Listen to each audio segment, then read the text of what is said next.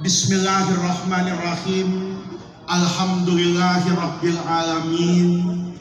Wassalatu wassalamu ala asyrafil anbiya wal mursalin wa ala alihi wa sahbihi ajma'in amma ba'du segenap para alim ulama yang saya muliakan para kiai, para guru, para tokoh masyarakat pengurus MWC Nahdlatul Ulama baik Suriah, Tanfidiyah, Mustasar maupun lembaga dan badan otonom.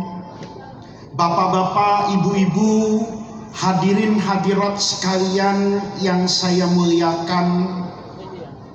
Malam hari ini sebetulnya saya ini tidak konsentrasi mau ceramah di sini Tadi itu Bu, saya jujur waktu sambutan paman saya Kiai Anas itu saya deg-degan. Kira-kira ini Pamanda ini mau manggil saya apa? Beliau ini mustasar MWC. Kebetulan saya Suriah PBNU. Kemarin di Madura, saya berdiri sebagai katib surya itu kayak gagah. Tapi di sini kayaknya ndak ada gagah-gagahnya ini. Karena yang MWC ini paman saya. Ini rada-rada sulit ini. Karena di Jakarta, di tempat lain, saya lumayan gagah mukanya rada-rada market friendly tapi kalau di Singosari itu kayaknya mati gaya. Tadi saya asrokol itu kiai. Ndak khusyuk karena ada bibi saya di bawah. Maka tadi saya penting untuk turun itu karena saya hari ini tuh bingung mau ngomong apa gitu. Bibi yang merawat saya tahu saya mungkin masih pakai popok ya. Kalau pempes itu anak milenial pak ya. Kalau kita kita ini dulu kan pakai popok celana pendek nakalnya saya. Itu ya bibi saya ibu hajah Romlah Nur Salim ini hatam dari A sampai Z saya kayak apa. Jadi saya hari ini tuh serba salah. Tadi mau duduk di samping Kiai Anas, saya tidak biasa manggil Kiai. Tapi lidahnya Kiai Anas itu juga kayak tidak terima, manggil saya Gus itu tidak terima. Karena biasa manggil Faiz Faiz gitu. Jadi malam hari ini acara yang tidak akan saya lupakan seumur hidup ini berbicara di depan orang-orang yang tahu dan mengerti betul siapa saya. Tapi saya bersyukurlah malam hari ini kita walaupun tadi sudah diingatkan ini sudah ba'da maulid sudah bukan bulan Robi al-awwal tapi umat Islam itu tidak pernah habis-habisnya membuat peringatan Maulid Nabi besar Muhammad Shallallahu Alaihi Wasallam. Apalagi di Jakarta, Kiai. Orang Betawi itu kalau diadakan survei sedunia, itu orang yang paling cinta Maulid Nabi itu orang Betawi. Maulidnya itu nggak berhenti berhenti, bu. Makanya saya ini, ya, badannya agak besar ini karena produk maulid. Di Jakarta itu ada orang mulutan sebelum subuh. Sebelum subuh itu sudah maulid. Nanti menjelang azan asrokol, habis azan itu sholat, kemudian mau idho hasanah. Selesai jam 6, itu ada orang maulid waktu duha. Nanti datang kita waktu duha, maulitan makan nasi kebuli pakai kambing. Nanti duhur begitu, asar begitu, isak begitu, itu nggak berhenti berhenti bu. Saya masih punya undangan maulid, saya tidak lupa itu. tanggal 9 Maret itu minggu terakhir mungkin lima hari lagi Ramadan. Saya tanya sama yang undang, ini acara apa menjelang puasa? Maulid Nabi Gus. Ah, kalau gitu saya mohon acaranya mulai asar. Asar Maulid Nabi, habis maghrib Isra Mi'raj, habis isya tarhib Ramadan.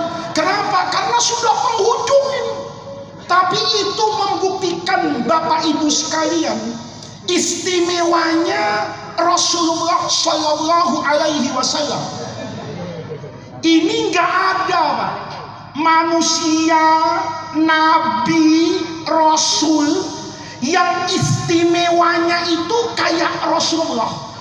Diingat sama umatnya, dikagumi sama jutaan manusia yang kekagumannya itu tidak habis-habis. Maka kalau kita belajar sejarah semua nabi, itu Nabi Muhammad mukjizatnya itu Allah bedakan dengan mukjizat semua nabi sebelum Nabi Muhammad.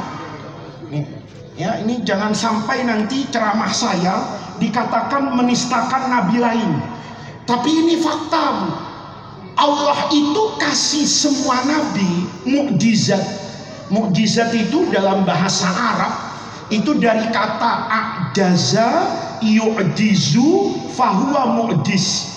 Itu artinya melemahkan. Jadi mu'jiz itu orang yang mampu melemahkan, mengalahkan lawan bicaranya. Sama orang Arab dikasih tak marbutoh. Itu jadi mukjizat kalau dalam ilmu nahu namanya mubalaghah artinya bukan lagi mengalahkan tapi membungkam. Jadi semua nabi di dunia ini dikasih mukjizat ini. Tapi mukjizat Nabi Muhammad itu akan berbeda dengan mukjizat semua nabi. Bahkan sehebat-hebatnya nabi yang dikatakan oleh agama sebagai bapaknya para nabi Bapak tahu enggak Pak? Siapa bapaknya para nabi itu? Orang bilang Nabi Adam. Nabi Adam itu bapak para nabi dari aspek biologisnya. Bapak karena beliau manusia pertama.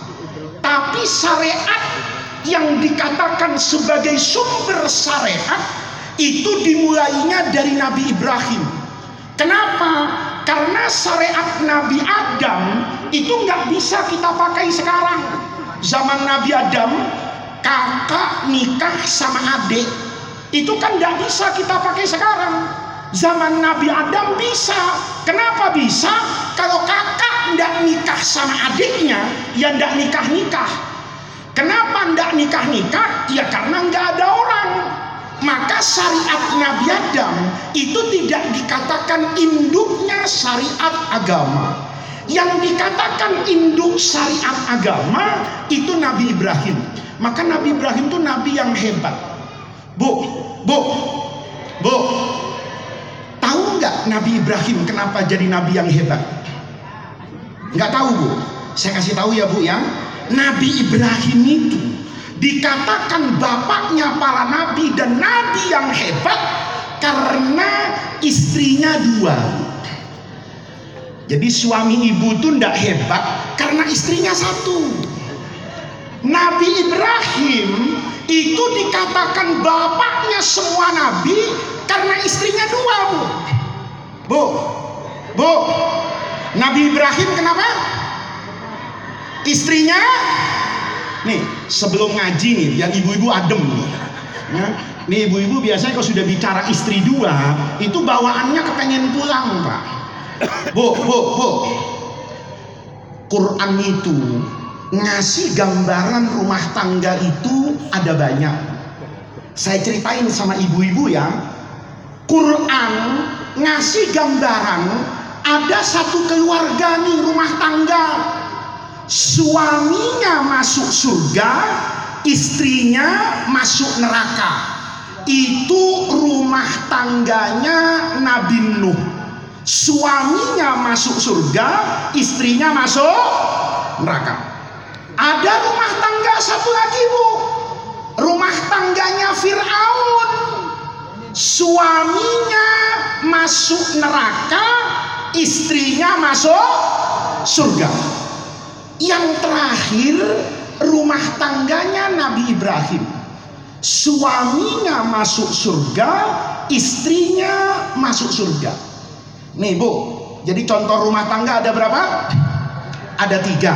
Nabi Nuh, suaminya masuk surga, istrinya masuk neraka. Rumah tangga yang kedua Fir'aun, suaminya masuk neraka, istrinya masuk surga.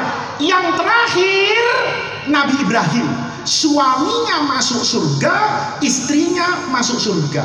Saya mau tanya bu, ibu kalau rumah tangga sekarang nih sama suaminya, ingin kayak rumah tangganya Nabi Nuh, suaminya masuk surga, ibu ke neraka, atau kayak rumah tangganya Fir'aun, suami ibu ke neraka, ibu ke surga sendirian, apa kayak rumah tangganya Nabi Ibrahim, suami istri masuk surga? Bu, Kepengen rumah tangganya kayak siapa? Kayak siapa? Nabi Ibrahim. Ini pengajian ada rekamannya ya? Ada ya? Pak, Pak. Besok Bapak ke KUA. Ya. Kawin lagi. Nanti kepala KUA pasti nanya itu. Anda kalau mau nikah lagi, itu harus ada surat izin istri pertama. Nanti bapak ndak usah bawa surat, ndak usah ngurus surat, bawa rekaman pengajian malam ini. Bapak kasih kepala kawa ini loh pak, istri saya semalam ikut pengajian, ditanya rumah tangganya ingin seperti Nabi Nuh apa seperti Fir'aun, apa seperti Nabi Ibrahim, istri saya jawab seperti Nabi. Bu, cocok nggak? Bu, bu, tenang, tenang. Kalau ngaji sama saya aman, bu. Nih bu ya, selesai pengajian ini bu, kalau pulang ke rumah, saya yakin bu, suami-suami akhir zaman ini, ya, suami-suami akhir zaman ini, nanti sampai rumah pengajian saya itu nggak ada yang ingat gitu. Yang ingat cuma yang ini aja nih bu. Nanti bu pasti ditanya, bu, tadi waktu ditanya, kepengen kayak Nabi Nuh, kayak Fir'aun, apa kayak Nabi Ibrahim? Ibu jawab apa? Ibu jawab tegas bu saya jawab kepengen rumah tangga saya seperti Nabi Ibrahim. Pasti jawab. Kalau gitu saya boleh nikah lagi. Ibu jawab boleh. Jawab dulu bu. Boleh mas. Asal mas betul-betul jadi seperti Nabi Ibrahim. Nih, pasti nanya dia. Maksudnya kayak Nabi Ibrahim itu piye? Jawabannya gini, Bu. Nabi Ibrahim itu diizinkan oleh Allah untuk poligami punya istri dua itu setelah tidak mempan dibakar. Jadi kalau mau nikah lagi bu, bilang sama suaminya, saya ridho Mas jadi Nabi Ibrahim asal ada asalnya nih Pak.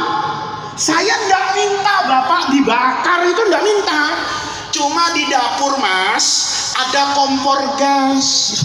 Saya nyalakan dulu lima menit. Kalau sudah nyala, apinya panas, Mas duduk di atasnya.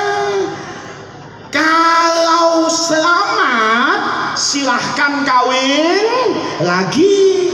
Kalau pantatnya gosong, saya antar ke rumah. Aman kan bu? Bu, bu. Jadi yang penting untuk keamanan nanti setelah pulang, gas di rumah ada isinya. Ya, itu yang paling penting bu. Nanti kalau gasnya ndak ada, repot ini. Ini pasti berani nantang duduk di kompor gas yang gasnya mati. Jadi Nabi Ibrahim ini Nabi hebat. Di antara hebatnya karena punya dua istri.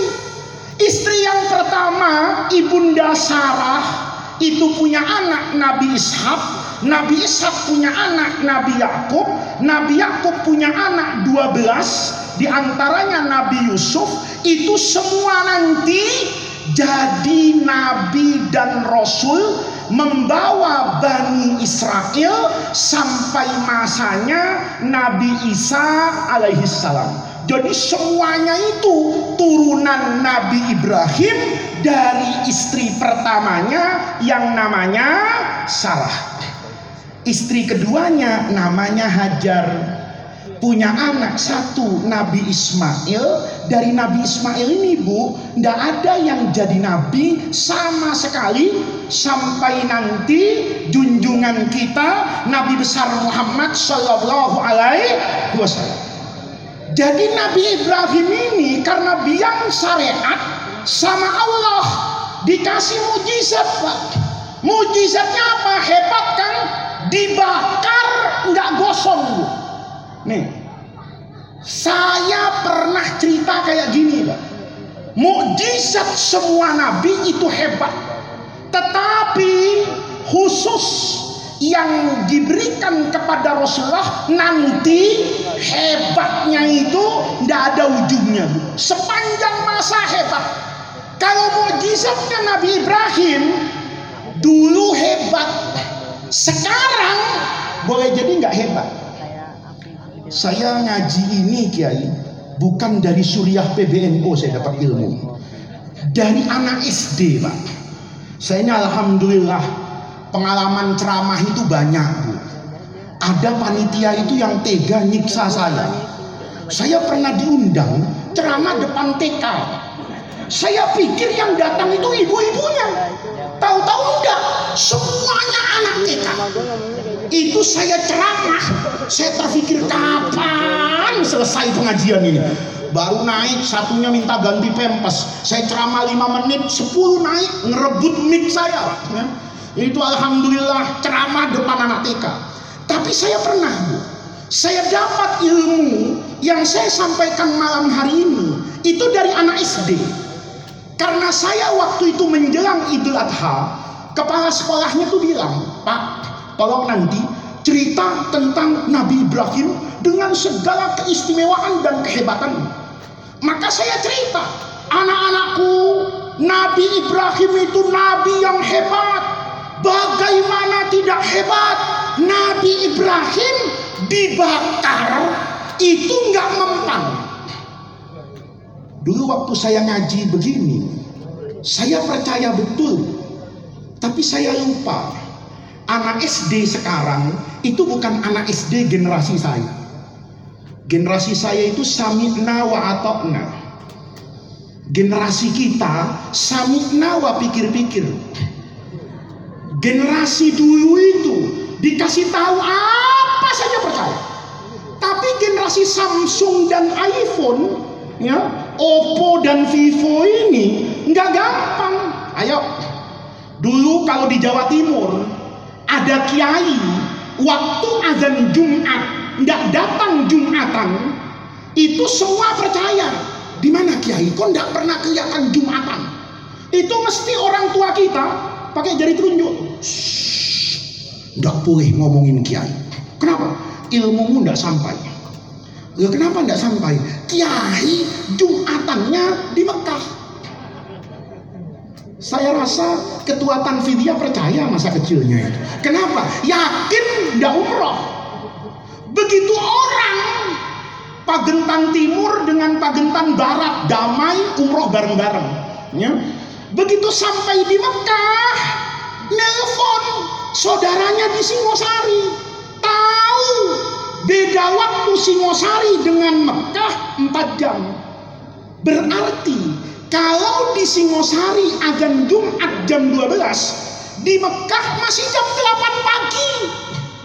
Ya kalau Jumatannya di Mekah, lalu Jumatan karo sopo itu di Mekah. Kenapa? Ya imamnya di Mekah masih jam 8 pagi.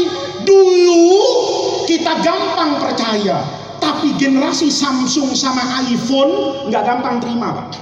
Ini kiai-kiai hati-hati nih. Kalau ceramah depan anak-anak milenial ini ngeri Pak. Saya ceramah begitu Bu. Nabi Ibrahim tuh hebat anak-anakku. Mukjizatnya nggak mempan dibakar. Ada anak SD angkat tangan interupsi. Saya baru kali itu ceramah di interupsi orang. Saya ceramah di kampus profesor tenang. Saya ceramah di tempatnya habaib, semua habib tenang. Saya ceramah di pesantren kiai dengan santri tenang. Giliran ceramah di SD, itu diinterupsi orang. Angkat tangan dia, Pak saya mau ngomong. Asalnya saya diamkan dia. Saya terus ngomong, ngotot tangannya. Pak maaf Pak, pidato Bapak itu salah. Masya Allah. Saya disalahin kalau kata anak sekarang, kena mental bu. Ya, karena tidak pernah ada orang bantah saya. Karena penasaran saya suruh naik. Ayo naik nak ke sini. Di panggung dengan saya. Saya tanya. Salahnya apa? Jawab dia. Maaf Pak. Kalau mukjizat keistimewaan seorang nabi besar ukurannya nggak mempan dibakar maka tetangga saya itu lebih hebat dari Nabi Ibrahim saya dengar gitu kaget pak apa nak Tetangga saya Pak lebih hebat dari Nabi Ibrahim. Saya tanya tetanggamu siapa?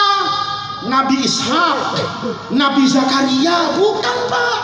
Tetangga saya bukan bukan Nabi, Kiai, bukan Pak. Tetangga saya bukan Kiai, bukan Habib, bukan Nabi.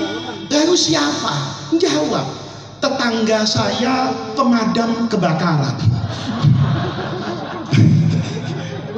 Saya waktu itu bu, benar-benar berhenti saya pidato. Ya. Kenapa? Ini masuk akal benar, benar. Lah Nabi Ibrahim itu kan nggak mau pak dibakar itu nggak mau. Kan Nabi Ibrahim itu dibakar karena terpaksa takdir Allah yang mengharuskan Nabi Ibrahim dibakar. Maka begitu mau dibakar, malaikat Jibril kan turun, Pak. Bawa jimat bersertifikat halal ada jimat, ada sertifikat. Hal ayat itu. Ya naru kuni bardan wassalaman ala Ibrahim. Nabi Ibrahim tenang. Redaksi ayatnya nakiroh. Ya naru kalau ngaji di tempatnya Umar Furah Kiai Manan itu tahu. Nar itu nakiroh. Nakiroh kata ahli nahu tufidul umum Jangan takut kata malaikat Jibril kepada Nabi Ibrahim. Hari ini Ibrahim Allah berfirman, "Ya naru, semua api sedunia itu dijadikan sama Allah api yang panas, dingin, api yang membakar, aman." Jadi kalau waktu Nabi Ibrahim dilempar ke api, ada ibu-ibu di Singosari masak nasi ya nyalakan api di kompor. Itu sampai kiamat kurang dua hari tidak matang selama ayat tadi belum dicabut sama Allah untuk kedamaian Nabi Ibrahim. Jadi Nabi Ibrahim itu nggak mau dibakar. Ketika dibakar Nabi Ibrahim dibantu sama malaikat Jibril. Pemadam kebakaran. Bener nggak nih anak SD ini bener nggak? Pemadam kebakaran ada api didatangi Ya nauzubillah, ada kebakaran di Singosari. Terus telepon sama dinas pemadam kebakaran di Kabupaten Malang. Begitu diangkat teleponnya, kata dinas pemadam, Pak jangan saya Pak, saya takut sama api. Ya lapor ke Bupati. Pemadam kebakaran yang takut api mutasi Pak. Jadi dinas perkebunan biar ketemu air. Betul kan? Betul enggak?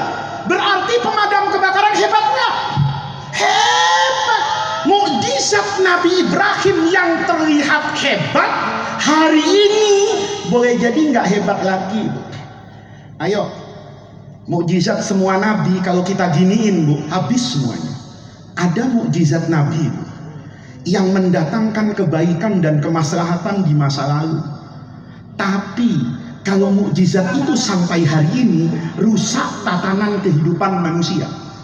Nih sebentar lagi bulan Desember 25 Desember itu ditulis tuh hari Natal memperingati kelahiran Isa Al-Masih.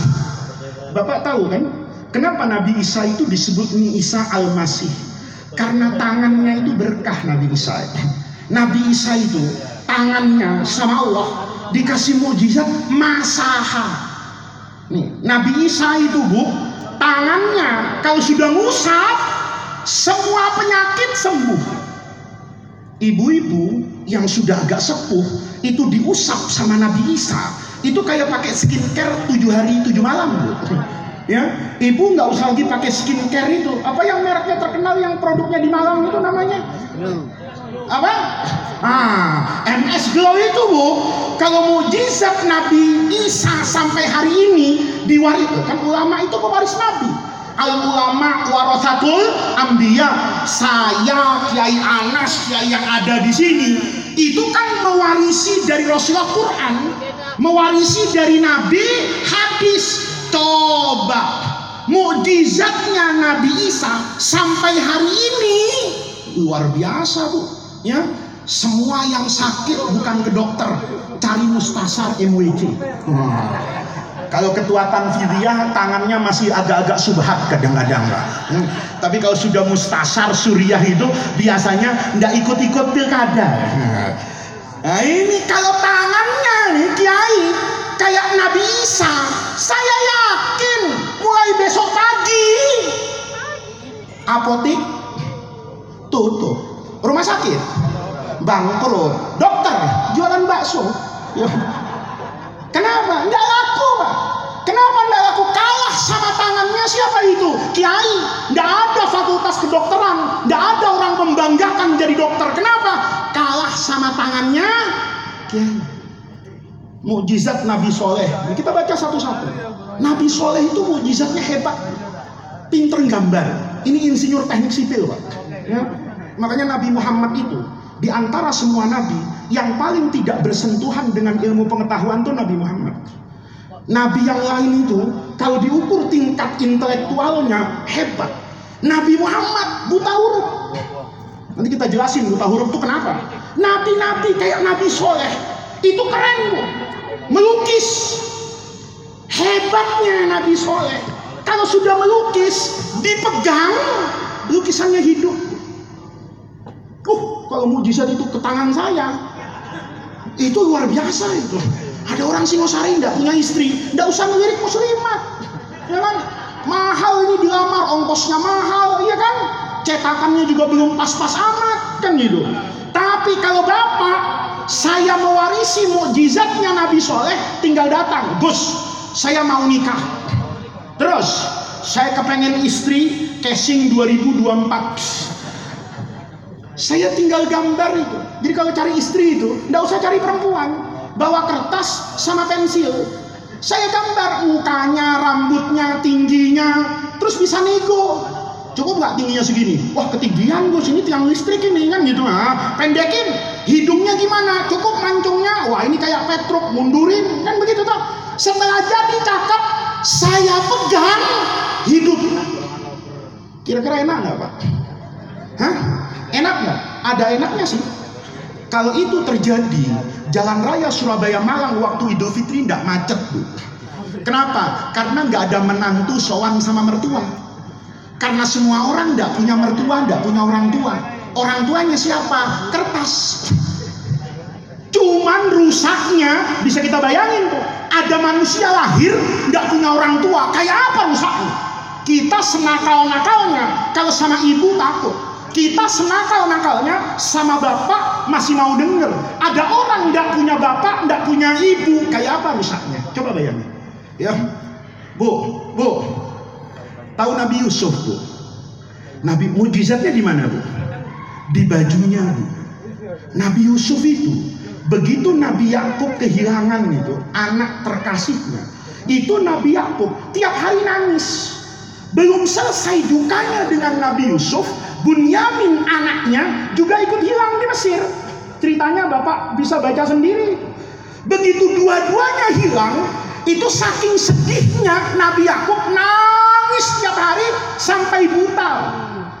Begitu nanti cerita itu udah selesai, saudaranya Nabi Yusuf yang sebelas sudah taubat semua, Nabi Yusufnya sudah jadi menteri, orang tuanya disuruh datang ke Mesir. Kata Nabi Yusuf, yang sudah-sudah, ayo kumpulkan keluarga. Saya sekarang sudah mewarisi kenabian dari bapak saya. Maka anaknya yang bernama Yahuda bilang, tidak bisa adik. Ayah kita tidak mungkin bisa pergi. Kenapa? Buta. Kata Nabi Yakub, gampang kata Nabi Yusuf, gampang. Kalau cuma buta, bawa baju saya. Disuruh apa? Disuruh dilempar bajunya Nabi Yusuf ke muka ayahnya Nabi Yakub fartadda. Maka dia akan kembali basiro matanya sehat. Bayangin bu kalau ibu punya sakit mata sakit berat berobatnya pakai baju. Masya Allah. Ini baju saya lumayan nih bu. Keringatnya banyak ini bu. Bu bu mau nggak saya lempar baju saya bu Hah? Hah? usap-usap di muka ibu cantik enggak, panuan mungkin, kan begitu. Kenapa? Karena saya nggak dikasih itu. Tapi kalau baju itu ada, itu ya ada bagusnya, tapi rusak semuanya. Ayo tongkat Nabi Musa kalau ketemu, Pak. Itu masalah Indonesia selesai. Presiden mau bangun infrastruktur nggak usah tender. Kalau tender maling semua. Tapi kalau ketemu tongkatnya Nabi Musa enak. Kata Presiden Jokowi supaya tidak macet bangun jembatan tol di atas. Dari Singosari sampai Jakarta. Kalau ada tongkat Nabi Musa tinggal dipukul di pasar Singosari jadi itu jembatan tol. Bagus nggak bu? Bagus. Tapi pabrik semen? Pabrik semen tutup. Nggak ada indah-indahnya lah. Ini bapak ibu mukjizat semua nabi sebelum rasulullah. Sebentar. Ini ngaji sampai jam berapa bu? Jam satu. Oh ya enggak apa-apa pak. Ya. Saya masih ada acara satu lagi setelah dari sini pak. Ya. Ke daerah Surabaya namanya Ciranjang. Bapak tahu Ciranjang? Ya. Saya ini punggungnya belum keranjang sehari ini Bapak Ibu sekalian, itulah mukjizat semua nabi sebelum Rasulullah Shallallahu Alaihi Wasallam. Dia dibuat indah, dia dibuat hebat, bersifat indriawi, bisa dilihat oleh mata tapi tidak akan pernah kekal abadi sampai hari kiamat. Dia hebat di masanya berhadapan dengan masa yang berbeda yang hebat tadi yang istimewa tadi jadi tidak he hebat. Itu berlaku Pak. Kecuali satu ini Rasulullah Shallallahu Alaihi Wasallam Nggak ada. Coba ibu perhatikan ini. Semua yang berkaitan dengan Rasulullah itu istimewanya, hebatnya itu dari perkara yang paling mudah sampai perkara yang besar itu istimewa sepanjang masa. Coba misalnya, ibu-ibu tadi baca maulid namanya Diba. Betul bu? Betul. Saya itu sering banget ya kalau baca maulid itu ngelihat orang waktu baca maulid itu khusyuk banget. Malah ada yang nangis. Saya pernah lihat kalau di Jakarta itu yang hadir maulid itu kadang-kadang aneh ada tatonya di mukanya itu. Tato di muka rambut gondrong tapi bagus. Masih datang mulu itu waktu baca maulid nangis. Padahal saya yakin dia tidak paham Ayo orang Singosari ini kalau disurvei lah, saya yakin ini mungkin 60% lebih nggak paham apa yang dibaca. Betul nggak? Betul nggak? Tapi anehnya ketika membaca terasa indah. Anehnya nggak pernah bosan baca tiba. Kalau asrakol yang satu goyang, goyang semua, padahal nggak paham. Bapak pernah nggak melantunkan satu syair nyanyi kayak Indonesia Raya tadi dengan Yalal Waton itu bapak terasa husuk dan nikmat karena paham tapi kalau tadi diganti lagunya pakai bahasa Spanyol kira-kira bapak ibu masih mengikuti apa enggak? enggak Tapi anehnya, kalau itu berupa diba, dibaca di tengah-tengah kita tanpa paham isinya, tapi kita selalu selalu ada rasa yang berbeda karena memang keindahan Rasulullah itu Allah buat sampai akhir zaman. Ada contoh yang menarik, Pak. Nabi Muhammad itu kan sudah 1400 tahun yang lalu. Al-Quran Allah turunkan itu sudah ribuan tahun yang lalu. Tapi uniknya, kalau orang mencoba-coba mencari kelemahan Al-Quran, bahkan dengan teori modern hari ini, itu dia akan mendapatkan sebaliknya. Quran itu mampu mengalahkan semua teori yang ada. Quran itu tetap memiliki daya hidup di era yang seperti sekarang ini. Sambil contoh ya, ceramahnya dua menit ini agak susah, tapi nanti belakangnya gampang. Di Kanada, ibu tahu Kanada nggak? Bu, tahu Kanada? Lawang lurus terus bu ya, sampai Purwodadi masuk pintu tol bu ya. Bu, tahu Kanada? Di Kanada itu pak, ada orang pinter pakai banget. Namanya Gary Miller, ahli matematika, ahli filsafat. Miller ini bencinya sama Rasulullah luar biasa. Bencinya sama Quran luar biasa. Maka dia belajar itu sama orang, nanya. Mukjizat Rasulullah Muhammad itu apa? Dijawab. Mukjizat Nabi Muhammad itu Al-Quran. Al-Quran itu mukjizat Rasulullah yang terbesar. Dia akan mengagumkan sepanjang zaman, baik pada masa jahiliyah orang tidak bisa baca, walaupun sampai masa keemasan ilmu pengetahuan sampai hari ini. Maka Miller bilang, tidak mungkin. Quran itu produk 1400 tahun yang lalu. Kalau saya menggunakan teori modern, pasti saya bisa mencari kelemahan Al-Quran. Maka Miller itu semangat. Datang ke toko buku, beli Al-Quran. Nih, nanti hidayah Allah tuh bagus banget kalau mau datang. Quran beli. Begitu beli Quran, dia mau buka Quran. Dia mau cari kelemahan mukjizat Rasulullah di Quran. Dibuka, Bu. Yang pertama Al-Baqarah. Kata Miller sama dengan orang Singosari kalau teraweh. Kepanjangan. Kenapa? Al-Baqarah. Cari, cari, cari kok panjang-panjang semua. Kata orang Jawa dilalah. Dia buka yang belakang dapat surah tabat tabat ya apa enggak bu tabat yada watab terus kasar saya dapat surah al-lahab Miller ini hebat bu dia kupas surah al-lahab itu. Dia ingin cari kelemahan Al-Quran. Apa yang dia pakai senjata? Ini sebentar aja bu. Susahnya. Nanti habis itu gampang. Kata Miller dalam ilmu filsafat itu ada teori yang sangat hebat. Dia mampu mengalahkan segala bentuk kebenaran di dunia ini. Namanya teori falsifikasi. Ini anak filsafat mesti ngerti. Apa falsifikasi? Ini sebentar susahnya. Falsifikasi itu kebenaran yang kita terima hari ini, kebenaran yang kita terima hari ini seiring dengan perjalanan waktu ada banyak pengalaman hidup maka yang asalnya benar jadi salah. Ini teori bu, semua kebenaran dunia itu rata-rata kalah. Kenapa? Karena teori ini mengatakan nggak ada yang benar.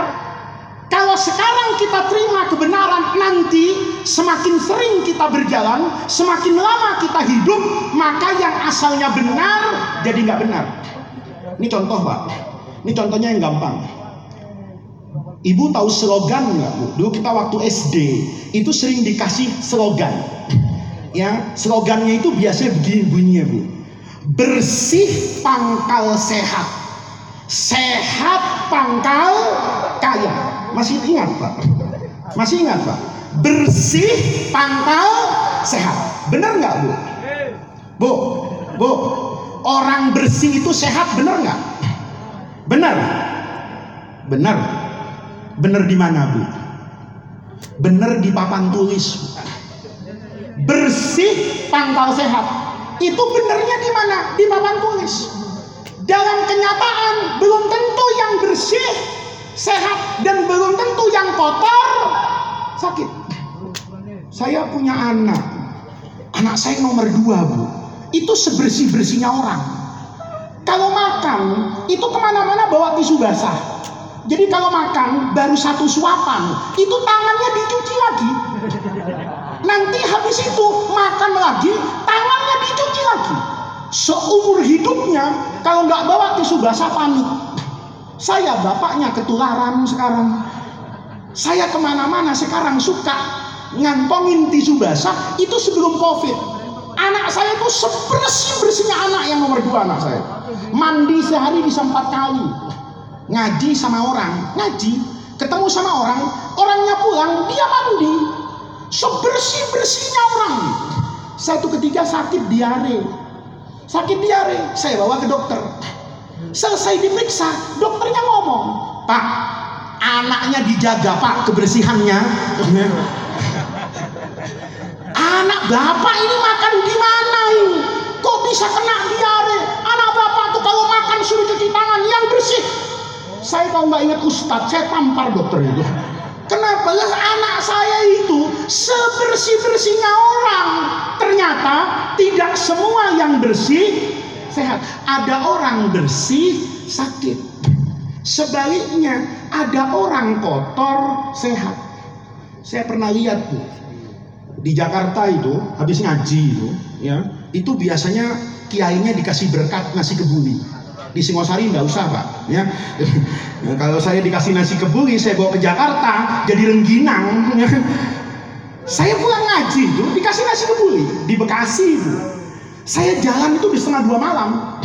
Saya sampai di rumah itu bisa setengah tiga. Nasi ini siapa yang mau makan kata saya. Di Jakarta jam 2 malam itu tukang sampah banyak di pinggir jalan bu. Pakai baju oranye di truk itu bersih bersih sampah sama jalanan. Saya berhenti pak. Saya bilang sama supir saya berhenti. Saya panggil orang tukang sampah tuh bang sini bang. Ada apa pak mau makan enggak ya mau pak. Kalau makan saya keluarin. Kebetulan panitianya bagus banget itu. Ngasih nasi itu dua nampan. Kambingnya separuh separuh bu. Nggak ada yang dikurangi. Utuh. Satu kambing itu jadi tempat masya Allah. Baunya enak. Itu tukang sampah. Nggak percaya. Bener pak. Ini untuk saya? Iya untuk bapak makan. Dipanggil teman-temannya bu. Itu tangannya habis masuk ke bak sampah itu begitu makan nggak ada yang cuci tangan. Tangannya itu cuma dilap ke bajunya. Bajunya itu mungkin seminggu juga udah nggak dicuci itu bajunya. Digini-gini loh begini-begini langsung makan lahap habis. Saya pulang. Senang saya alhamdulillah dimakan. Tiga hari kemudian saya dapat undangan daerah situ lagi maka saya pulang lewat jalan itu lagi. Orang-orang itu ada. Tapi kali ini saya nggak dibawain nasi. Ya. saya berhenti. Saya bilang mas supir saya berhenti berhenti. Saya panggil bang wah bapak ada apa pak? Mau ngasih makan? Enggak kata saya. Saya cuma mau lihat bapak masih hidup apa enggak. Kenapa? Lah dia makan tangannya bekas sampah nggak pakai baju keringetan. Mungkin itu nasi kebuli ikut gurih. Karena keringetnya ikut tumpah-tumpah gitu bayangin itu orang-orang nggak pernah mandi. Ya kotornya kayak gitu tangannya kayak gitu. Itu saya lewat seminggu orangnya sehat walafiat. Berarti bersih pangkat sehat bener nggak bu? Bu bersih pangkat sehat bener apa enggak enggak bener. Ada orang bersih anak saya sakit. Ada orang kotor malah sehat sehat pangkal kaya. Bener nggak? Bener buat kita pasien. Kalau kita sehat kita nggak ke dokter. Maka uang yang mestinya kita bayar dokter atau bayar obat bisa kita tabung. Maka sehat pangkal kaya. Buat siapa? Buat kita. Tapi kata dokter sehat pangkal melarat. Masyarakat sehat dokter Bener kan? Nggak ada yang bener ini. Saya udah buktikan nih sebelum saya ceramah, ini bener nggak sih teori ini? Ternyata bener Pak. Ada cerita lagi Bu di Surabaya Bu, cerita nih. Ada dua orang Bu. Yang satu suka merokok, yang satu anti rokok. Yang satu suka merokok. Allah pertemukan di dalam angkot. Sini bilang angkot ya. Ya, naik angkot berdua Katanya kebetulan semuanya tidak bisa dibuka. Tengah-tengah angkot yang panas sumuk, yang merokok itu ngerokok nggak pakai perasaan. Dia hisap asapnya itu udah kayak kebakaran angkotnya. Yang anti rokok kesel, tapi dia tidak mau marah-marah. Dia mau ngasih nasihat, yang nasihatnya itu benar. Nanya dia sama yang merokok Pak, Bapak ini merokoknya kuat banget. Oh iya, saya merokok satu hari tiga bungkus. Mulai kapan Pak? Waduh, saya mulai umur 10 tahun udah merokok. Sekarang umur Bapak berapa? 80 tahun. Saya merokok sehari tiga bungkus. Maka orang ini mau ngasih nasihat. Nasihatnya benar. Coba Bapak pikirin. Berarti Bapak sudah merokok 70 tahun. Sehari Bapak merokok tiga bungkus. Rokok sebungkus berapa Pak? Pak? Hah? Kiai itu ngerokok tapi nggak tahu harga rokok. Ya, jadi kalau ada kiai nih di Singosari ini tahu harga sarung itu masih anak ranting. Tapi kalau kiai PW sama PB itu sarungnya banyak tapi nggak tahu harganya. Karena kiai-kiai itu kalau batu-batu itu sarung datang, Pak. Gitu. Oh ini kenapa kiai batu? Oh sarungnya sobek, datang lima. Jadi kalau ada kiai di sini nyaut berapa harga rokok, nah itu banser. Tapi kalau sudah suriah ke atas itu nggak tahu harga rokok. Bu, harga rokok berapa? Katakan 30 ribu. Tiga bungkus 90 ribu dengan koreknya 100 ribu. Maka orang tadi bilang, Bapak, coba Bapak pikir. Bapak nih sebulan sebenarnya uangnya banyak. Kalau berhenti merokok sehari 100 ribu, maka sebulan Bapak punya uang 3 juta. Uang 3 juta itu Pak cukup buat kredit Avanza. Kalau Bapak berhenti merokok, berarti Bapak sekarang sudah naik, sudah naik Avanza. Bener nggak Bu? Bener nggak Bu? Bener. Tapi yang merokok ini orang alim. Bapak sama orang alim tuh jangan coba-coba ngelawan. Dalilnya banyak. Yang ngerokok ini rupanya Roy Surya pinter. Biasa bahsul masail ini di kebet-kebetan kitab tuh nemu dalil dia. Maka yang ngerokok tuh nanya balik. Bapak sekarang umurnya berapa? 70 tahun. Ngerokok enggak? Saya dari lahir enggak pernah merokok. Ngomong ini yang pinter nih. Loh, kalau bapak dari lahir enggak pernah merokok, kok masih naik angkot? Bener nggak? Bener nggak? Bener kan? Pakai ini bukan saya membela perokok loh ya. Jangan sampai wah ini men mendukung perokok enggak. Tapi bener kan? Kata yang satu, kalau bapak berhenti merokok, seharusnya sudah bisa beli apa ini? Mobil. Tapi ternyata orang ini nggak merokok, tetap saja, tetap saja. Berarti sama-sama naik angkot, mendingan ngerokok kata orang tadi. Ya, ini jangan disalahartikan. Tapi ini bu, itu namanya teori falsifikasi. Apa yang terlihat benar itu seiring dengan perjalanan waktu, yang benar tuh jadi nggak benar. Contohnya sudah paham semua kan bapak-bapak? Nih, kita tarik sama tabat yada. Miller tadi dapat surah tabat yada. Maka Miller tuh mikir dia, ini Abu Lahab ini siapa ya? Kok sampai-sampai Al-Quran menurunkan ayat khusus buat Abu Lahab SK masuk neraka. Musuhnya Nabi itu banyak. Tapi yang disebut namanya pasti masuk neraka cuma Abu Lahab. Abu Jahal Abu-abu yang lain juga enggak. Ya, tapi khusus Abu Lahab dikatakan pasti masuk neraka. Miller ini terus baca sejarah. Kata Miller, kata Miller, siapa ya Abu Lahab ini? Kok sampai segitunya disebut namanya dalam Quran? Maka dia dapatkan dalam sejarah sejarah Islam juga menulis Abu Lahab itu pamannya Nabi.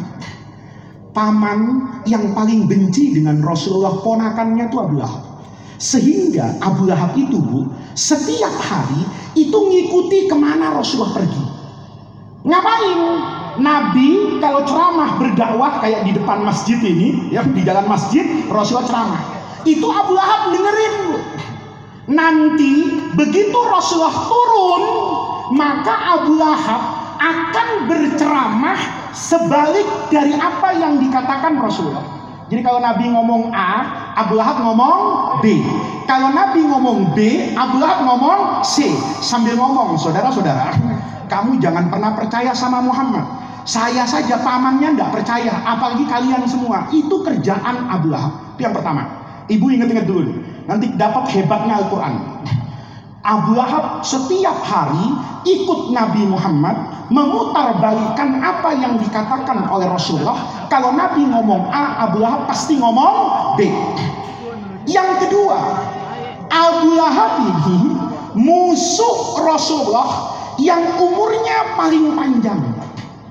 Jadi Abu Lahab itu bu, wafatnya itu setelah perang Uhud. Artinya sampai tahun kelima Hijriah Abu Lahab itu masih sehat walafiat ada di kota Mekah. Nih kita lihat. Apa maksudnya Miller? Kata Miller gini. Abu Lahab itu musuh Nabi yang paling utama. Musuh Nabi yang selalu membalikkan apa yang disampaikan Nabi. Musuh Nabi, nih Ibu, yang saat turunnya surah Al-Lahab, surah Al-Lahab itu termasuk surah yang pertama-tama turun di Mekah. Banyak ahli sejarah mengatakan ini surah turun tahun ketiga Hijriah. Eh, tahun ketiga kenabian, tiga tahun setelah Rasulullah menjadi nabi. Kalau nabi di Mekah 13 tahun, ya katakan tiga tahunnya masa turun surah Al-Lahab, maka semenjak surah ini Allah turunkan yang mengatakan Abu Lahab masuk neraka, Abu Lahab masih hidup setelah turunnya surah ini selama 15 tahun. Nih. Jadi waktu tabat yada turun, itu Abu Lahab belum mati. Panjang umurnya, masih 15 tahun lagi baru mati. Apa kata Miller? Kalau Quran ini bukan dari Allah. Maka dengan teori falsifikasi, Abu Lahab dengan mudah akan meruntuhkan Al-Quran dan sekaligus menyalahkan Rasulullah. Gimana caranya? Abu Lahab kalau Nabi ngomong A, dia ngomong B. Kalau Quran bilang Abu Lahab itu nanti masuk ke dalam api neraka karena dia sampai mati tidak memeluk agama Islam, dia matinya dalam keadaan kafir dan dibawa ke api neraka. Seandainya ini kata Miller, Quran itu bukan datang dari Allah dengan mudah. Begitu surah Al-Lahab turun satu tahun, Abu Lahab pura-pura masuk Islam. Pura-pura itu kan tidak ada tidak ada yang salah. Kayak politisi itu kan. Ya, kemarin kuning, sekarang biru, besok merah, itu biasa aja. Ya. Biasa nggak bu orang sekarang? Kemarin dukung yang itu, sekarang dukung yang ini. Kemarin ke sana, sekarang ke sini. Biasa aja. Ibu bayangkan tuh, kalau Abu Lahab punya mental seperti politisi, dia berpikir, oh iya, ini saya bisa mengalahkan Muhammad, gampang caranya, gimana? Saya teriak di atas mimbar, saudara-saudara. Tadi ponakan saya ngomong apa? Dijawab. Ponakanmu Muhammad mengatakan bahwa kamu nanti masuk neraka. Kenapa saya masuk neraka? Karena kata Nabi kamu sampai mati tidak masuk agama Islam. Abu Lahab bilang, saksikan saudara-saudara, hari ini saya bersaksi tidak ada Tuhan selain Allah dan Muhammad Rasul. Kira-kira berantakan nggak dakwahnya Nabi? Tinggal orang bilang Rasulullah ini gimana surah tabat yada Katanya masuk neraka. Ini Abu Lahab masuk Islam. Kan bisa di whatsapp malaikat Jibril. Iya ini Jibril, kok tidak sesuai? Tapi itu tidak pernah terjadi Dalam rentang waktu yang panjang. Itu menunjukkan Quran itu datangnya dari Allah. Jadi bapak-bapak kita memperingati Maulid Nabi itu harus mengerti mukjizat dan istimewanya Rasulullah itu di mana dalam Al-Qur'an. Maka kita maulid Nabi itu penting, tapi tidak kurang penting setelah kita mengenal Rasulullah kita juga harus mengenal bahwa inti diutusnya Rasulullah itu membawa Al-Quran dengan hadis Nabi sebagai penjelas Al-Quran. Sejauh mana pemahaman kita terhadap Al-Quran, sebesar mana pengetahuan kita terhadap perilaku Nabi, sejauh mana hafalan kita, pemahaman kita terhadap hadis, itu yang menunjukkan kesuksesan kita sebagai umatnya Rasul Allah. Bu, Bu, ini maulidnya yang terakhir nih, Bu. Ya, yang terakhir malam hari ini. Bu, Bu, Pilpres itu masih lama, Bu. Tapi sholat tahajud, Bu, sholat tahajud nanti malam. Pak, Pilpres itu masih lama. Sholat duha Sholat duha besok pagi. Nih, jangan sampai lebih banyak nyebut nama capres daripada nama nabi. Bu, bu. Indonesia ini, Bu, masalahnya banyak. Masalahnya saya mau kasih tahu sama Bapak, itu dari tahun ke tahun selalu sama. Sama. Kalau kita tidak nih, tidak memilih pemimpin dengan cara yang diridhoi oleh Allah, maka masalah Indonesia dari tahun ke tahun sama. Ayo, kita hitung. Bu, bu, bensin mahal nggak bu sekarang? Mahal. Bapak sepakat bensin mahal. Tapi masalahnya bensin mahal itu bukan sekarang. Dari dulu bensin mahal. Coba bapak-bapak yang sepuh itu kalau punya kaset pidato ayah saya di Masjid Jami Malang tahun 80-an. Ayah saya tahun 80 pidatonya bensin bensin mahal.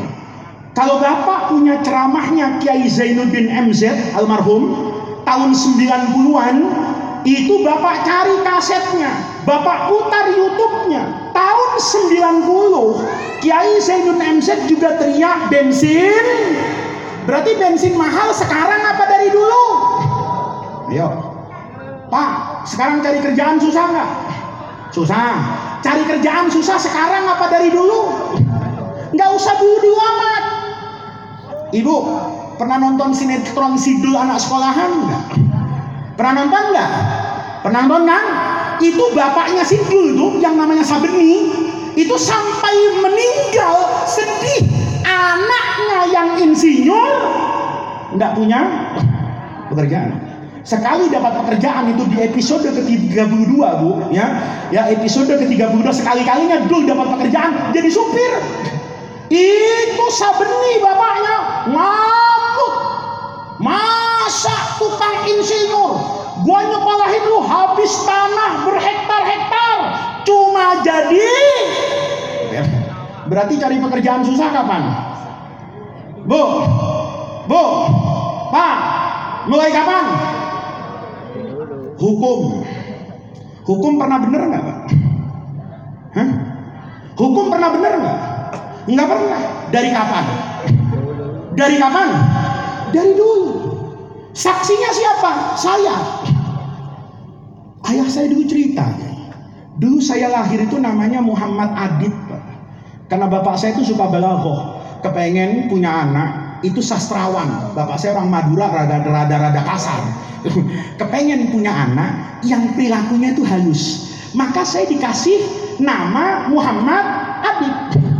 Begitu lahir nanti, ayah saya itu ditangkap sama Orde Baru. Gitu loh, ditangkap.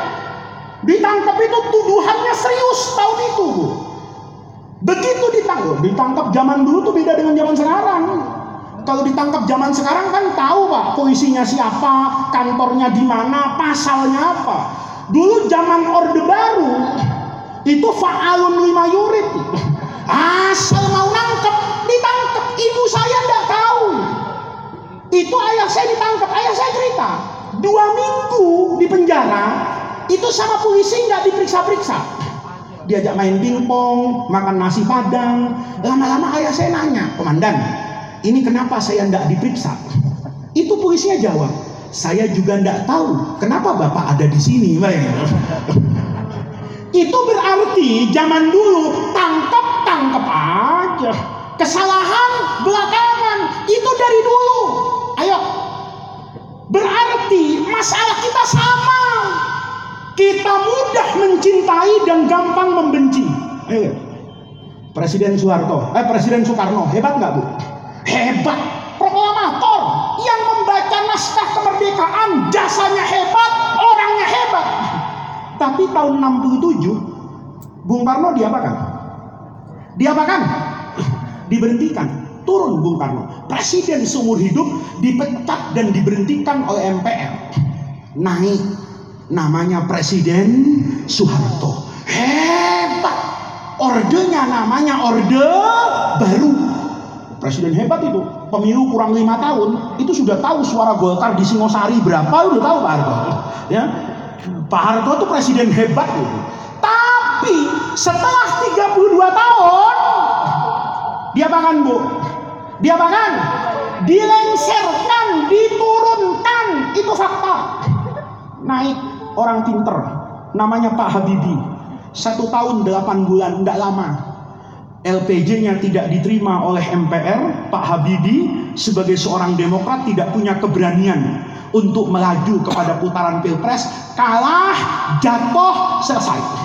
Naik Gus Dur, Kiai, hebat. Tapi fakta sejarah mengatakan setelah dua tahun jatuh. Yang jatuhkan siapa? Yang angkat. Gitu.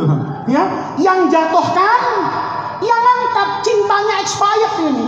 Kiai jatuh. Ganti bu. Kata orang Indonesia, ini presiden nggak ada yang benar semua karena laki-laki. Nggak tahu harga cabai, nggak tahu harga beras. Sekali-kali kalau mau beres, yang jadi presiden, yang jadi presiden, ibu-ibu. Jadi nggak Bu Mega? Jadi, jadi. Dan Bu Mega waktu itu nggak salah. Indonesia nggak punya uang. Ibu-ibu, suaminya nggak punya uang, belum belanja, mau beli tempe, mau beli deterjen, suaminya nggak punya uang. Lihat di balik sarung ada surat tanah, ada BPKB mobil. Kira-kira diapakan? Diapakan? Dia dijual.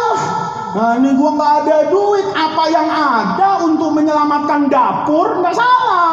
Tapi bangsa Indonesia kecewa loh. Kok jadi begini ya? Aset negara dijual. Kata orang Indonesia, kita nggak bisa ternyata punya presiden ibu-ibu. Harus punya presiden yang gagah, tinggi, dan ganteng. Menang nggak Pak SBY? Menang nggak? Siapa yang milih? Ibu-ibu.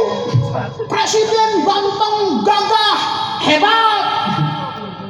Pemilu bu, Pak SBY itu ditunggu-tunggu sama orang dua periode menang. Tapi kata bangsa Indonesia ujungnya kok aneh. Kampanyenya begini bu, masih ingat bu? Katakan tidak pada korupsi. Yang ngomong lima orang, yang tiga ketangkap KPK. Betul enggak? Betul enggak? Suaranya anjlok. Kata orang Indonesia, ini sebab presidennya gemuk. Ya, ibu ngundang saya itu resikonya besar, ya kan? Pertama, ya panggung ini harus kokoh, ya kan? Kalau saya injak nggak kokoh roboh. Ini makanan ini ustadz penceramah kayak gini makannya banyak. Kata orang Indonesia, ini presiden gemuk nih, ya, nggak maju Indonesia. Maka yang harus kita cari presiden yang kurus supaya beres urusan negara. Kalau presidennya kurus, cukup masuk got, ya kan? Selokan air. Nah, kalau saya kan nggak muat masuk ke situ, bu. Betul nggak, bu? Pak Jokowi menang dah. Pak Jokowi menang dah. Menang. Tapi orang Indonesia sekarang perasaannya ya rasain sendiri-sendiri. Itu bukan urusan saya. Artinya apa? Masalah kita sama, nggak pernah selesai. Pemilu Pemilu kita jujur apa curang bu? Hah? Salah pak. Pemilu kita itu jujur kata yang menang, curang kata yang kalah. Bener nggak? Bener nggak? Nggak usah jauh-jauh bu. Tahun 2009 Pak SBY itu menang satu putaran berpasangan dengan Pak Budiono. Tidak ada orang nyangka suara partainya 300 kali lipat naik, Pak SBY menang satu putaran. Selesai dihitung KPU, Pak SBY pidato. Alhamdulillah. Pemilu berjalan dengan baik, memenuhi semua unsur keadilan, keterbukaan, dan kejujuran. Kata siapa? Pak SBY. Bu Mega pidato. Pemilu ini curang, saya akan menggugat ke Mahkamah Konstitusi dilakukan. 2014 pemilu jagonya Pak SBY, Pak Hatta Rajasa berpasangan dengan Pak Prabowo kalah. Pak Jokowi, Pak Jokowi menang. Pak SBY bilang pemilu curang. Bu Mega bilang pemilu berlangsung dengan terbuka, jujur, dan adil. Berarti masalahnya sama nggak? Masalahnya sama nggak? Nih bu, sekarang kita robah bu. Kita robah. Kalau Indonesia mau beres, Indonesia mau beres, malam ini semua orang sholat tahajud. Besok pagi semua orang sholat duha. Ngapain? Doakan Indonesia. Hmm, bukan doain capres, Pak. Doakan Indonesia. Sujud, Bu, sujud. Ngomong sama Allah, "Ya Allah, jadikan Indonesia baldatun thayyibatun wa rabbun ghafur. Ya Allah, jadikan Indonesia negeri yang makmur lahir dan batin dipimpin oleh pemimpin yang mampu membawa kesejahteraan lahir dan batin. Kami bangsa Indonesia mendapatkan rahmat dan ridho Allah. Segitu aja doanya. Jangan sebut namanya. Kalau ibu dalam doa nyebut nama, itu bukan doa bu, tim sukses. Bu, bu, tim, tim, tim sukses, tim sukses bagian doa. Kan tim sukses banyak apa? Bagi kaos, bagi uang. Nah ini rupanya tim sukses bagian doa. Kenapa bu? Bu, bu. Kata Imam Ibnu Athaillah dalam hikam itu bu orang yang paling bahagia hidupnya itu adalah orang yang mampu mengatur dirinya untuk tidak mengatur Allah. Bu, bu, pernah ngatur Allah nggak? Bu, pernah, yakin sering. Ngatur kiai nggak berani, ngatur bupati takut, tapi sering ngatur Allah. Kapan ngatur Allah? Dalam doa itu. Ada bapak-bapak nih, tiap subuh sholat ke masjid Hizbullah jalan kaki. Ngeliat ada orang baru berjamaah tiga bulan, tahu-tahu naik Honda PCX. Ya Allah, saya sholat tujuh tahun masih jalan kaki. Ini orang baru sholat tiga hari sudah naik Honda PCX. Maka dia doa. Doa itu tidak ada yang salah. Bu. Doanya bagus. Rabbana atina fid dunya hasanah. Artinya bagus nggak? Artinya bagus nggak? Bagus ya Allah berikan hambamu yang baik-baik di dunia ini. Tapi yang jelek itu hatinya orang yang berdoa. Saya tanya Pak Haji, tadi doa di masjid, doa Pak Ustaz. Doa apa? Rabbana atina fid dunya hasanah. Ya Allah, berikan kepada hambamu yang baik-baik di dunia. Saya tanya, yang baik-baik di dunia itu apa Pak? Dia jawab Bu, Yamaha NMAX kalau bisa yang warnanya coklat lihat nih ya. Saya bilang sama orang tadi kamu doa apa kredit? Kenapa? Karena itu ngatur Allah. Belum tentu apa yang kita inginkan itu sejatinya mendatangkan kebaikan. Bu bu bu. Kalau suaminya bu setiap hari setiap hari bawa pulang uang 100 ribu. Kan sedih bu. Minyak goreng mahal beras mahal 100 ribu nggak cukup Maka ibu berdoa kepada Allah, ya Allah, mudah-mudahan suami saya jangan 100 ribu sehari ya Allah. Saya kepengen 100 juta sehari. Amin nggak bu? Bu, amin nggak? Yakin? Yakin? Nih bu, suami ibu nih sehari biasanya 100 ribu. Ibu minta mie, ibu minta minyak, minyak goreng, bayar listrik, pusing dia. Tapi karena ibu doakan satu hari yang asalnya 100 ribu dapat 100 juta. Bu, saya mau tanya. Kalau suami ibu yang begini nih modelnya nih, ya pegang uang 100 juta sehari, sebulan 3 miliar. Kira-kira setelah dapat uang itu, yang pertama kali dikerjakan sama suami ibu apa kira-kira? Nah tuh, jujur tuh bang. Kawin lagi, pasti dia pusing. Saya kemarin punya uang 100 ribu, mintanya banyak, uangnya ndak cukup. Sekarang sudah saya kasih semuanya, uangnya masih banyak. Rupanya kurang rumah saya. Rupanya kurang yang minta. Dikasih kawin lagi. Kira-kira doanya diterusin apa di amandemen bu? Bu, kira-kira doanya diterusin apa dirobah? Pasti ngomong, ya Allah tahu begitu, mendingan miskin tapi ndak makan hati, betul ndak? Bu, bu, kuncinya atur diri, jangan mengatur Allah. Doakan, Pak. Doakan itu. Ya Allah, mudah-mudahan Pak Anies jadi orang yang baik. Mudah-mudahan Pak Ganjar jadi orang yang baik. Mudah-mudahan Pak Prabowo jadi orang yang baik. Mudah-mudahan ya Allah yang terbaik yang menang. Aman nggak bu? Aman nggak? Pakai syahwat. Saya nggak ada urusan dengan tiga orang itu ya Allah. Tapi urusan saya Indonesia aman, Indonesia sejahtera. Nggak usah atur siapa yang jadi, tapi mendoakan kebaikan untuk bangsa dan negara, pemimpin dan rakyat kita semua semua. Maka ibu-ibu muslimat, ya, bapak-bapak nih tiap malam Jumat baca zikir, tiap subuh baca zikir, doakan Indonesia mudah-mudahan nanti pada tanggal 14 Februari 2024 kita mendapatkan pemimpin yang diridhoi oleh Allah Subhanahu wa taala. Bapak Ibu sekalian, ini yang bisa saya sampaikan pada pengajian malam hari ini. Mudah-mudahan hadirnya kita di majlis yang baik ini menunjukkan cinta kita kepada Rasulullah sallallahu alaihi wasallam menjadi tawassul dan wasilah kita semua untuk mendapatkan khairat dunya wal akhirah. Rabbana atina min ladunka rahmah wa lana min amrina rasyada Allahumma la tahribna khaira ma indaka li syarri ma indana.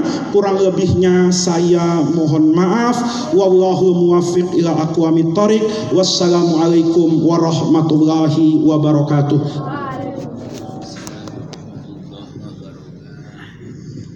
Disampaikan